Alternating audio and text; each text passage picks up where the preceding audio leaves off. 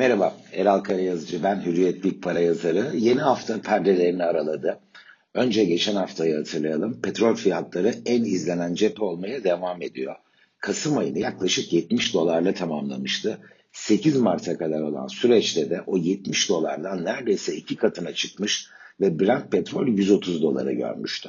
Sonra keskin bir geri gelişe şahit olduk. Geçen haftanın başlarına kadar hatta ortalarına kadar bu devam etti. 130 doları gören petrol 95 dolara test etti.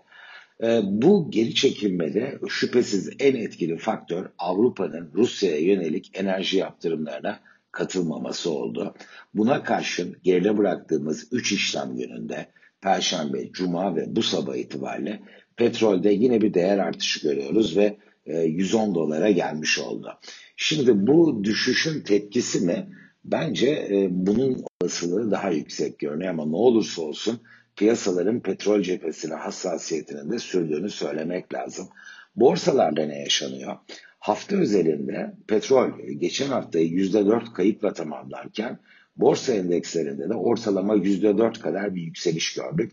Ee, borsa İstanbul'da buna katıldı. Yine geçen hafta biz BIST 100 endeksinde de %4.4 TL bazında bir değer artışı gördük. Dolar da değişmediği için e, TL karşısında bu e, tabelaya dolar bazı performans olarak da yansıdı. Altın şimdi burada da çok güçlü bir rally görmüştük. Petrolle eş zamanlı gelişmişti. 2070 dolara kadar sürmüştü. Fakat orada da bir geri çekilme var. E, 1927 dolardan yeni haftanın ilk işlemleri geçiyor. Orada petrol gibi bir geri dönüş çabası yok 3 gündür. Daha yatay diyebileceğimiz tatta bir hal var.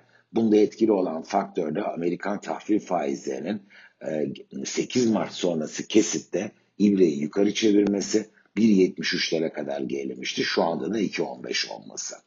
Yeni hafta ilk fiyatlamalar e, ölçülü de olsa negatif hem Avrupa'nın e, hem Amerika'nın vadeli endekslerinin geçen hafta yaşanan yükselişi takiben %0,4 kadar kayıplarla yeni haftaya başladığını görüyoruz öne çıkarabileceğimiz manşet elbette petrol olabilir ama geçen hafta gerçekleşen kuvvetli artışların bir e, ters iz düşümü olarak da pekala değerlendirebiliriz.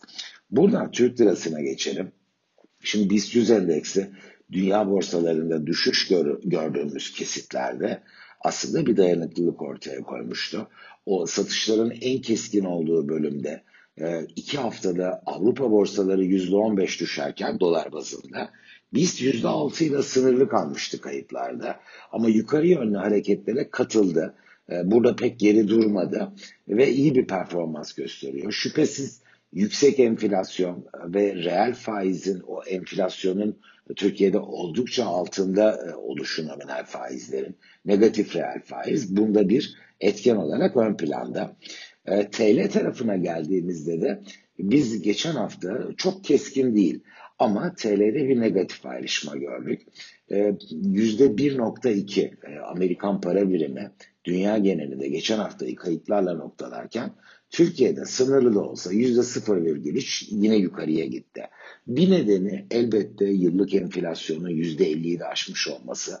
Önümüzdeki aylarda da e, enflasyonun yüksek seyrini sürdürmesi beklentisi. Ama diğer etken yerli ve yabancı tasarruf sahiplerinden ziyade aylık bazda cari açık veriyor oluşumuz ve e, bence reel sektörün döviz ihtiyacı burada etkili oluyor. Ve yine o kaydın başındaki petrol yanında keza doğalgaz enerji fiyatlarının yükselişinin de yurt içinde döviz cephesinde fiyatlamalarda etkili olduğunu görüyoruz. Ne var önümüzde? Şimdi ilk takip edilen manşet elbette Ukrayna Savaşı. Burada temaslar devam ediyor, pazarlıklar devam ediyor ama henüz bir uzlaşı yok.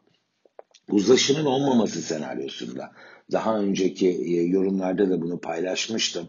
E, aslında dünya ekonomisine resesyona itecek bir faktör değişikliği olmadıkça ki burada yine kilit enerji fiyatlarında e, bu savaşın çok fazla bir etkisinin artık fiyatlamalarda etkisinin olmayacağını düşünmek pekala mümkün. Ya bir uzlaşma olursa e, şüphe yok ki bu petrol fiyatlarında, borsa endekslerinde e, bizim geçen hafta gördüğümüz seyrin kuvvetli bir iz düşümüyle yinelenmesi, borsaların yükselmesi, petrolün geri çekilmesi e, olası hale gelecek.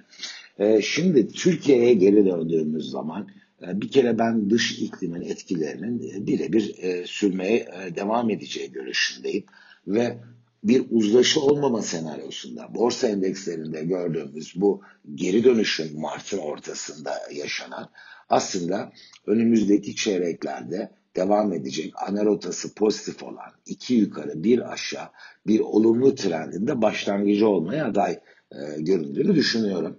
Zaten henüz Mart'ta dünya borsalarında bir pozitife geçişten bahsetmek mümkün değil. Evet BIST e, bu konuda iyi bir ayrışma kaydetti. Hele TL bazında yüzde e, yedilik bir değer artışına imza attı bu ay özelinde. Ama dünya borsalarında ortalama sıfır değişim var. Yani o 8 Mart dahil yaşanan keskin düşüşler ancak sonrasında işte 9-10 Mart'la 21 Mart'a kadar olan bölümde e, geriye alınmış oldu. En kötünün geride kalmış olma ihtimali borsalar özelinde yüksek görünüyor. Ukrayna'daki haber akışı da yine ilgiyle merakla takip edileceğe benziyor.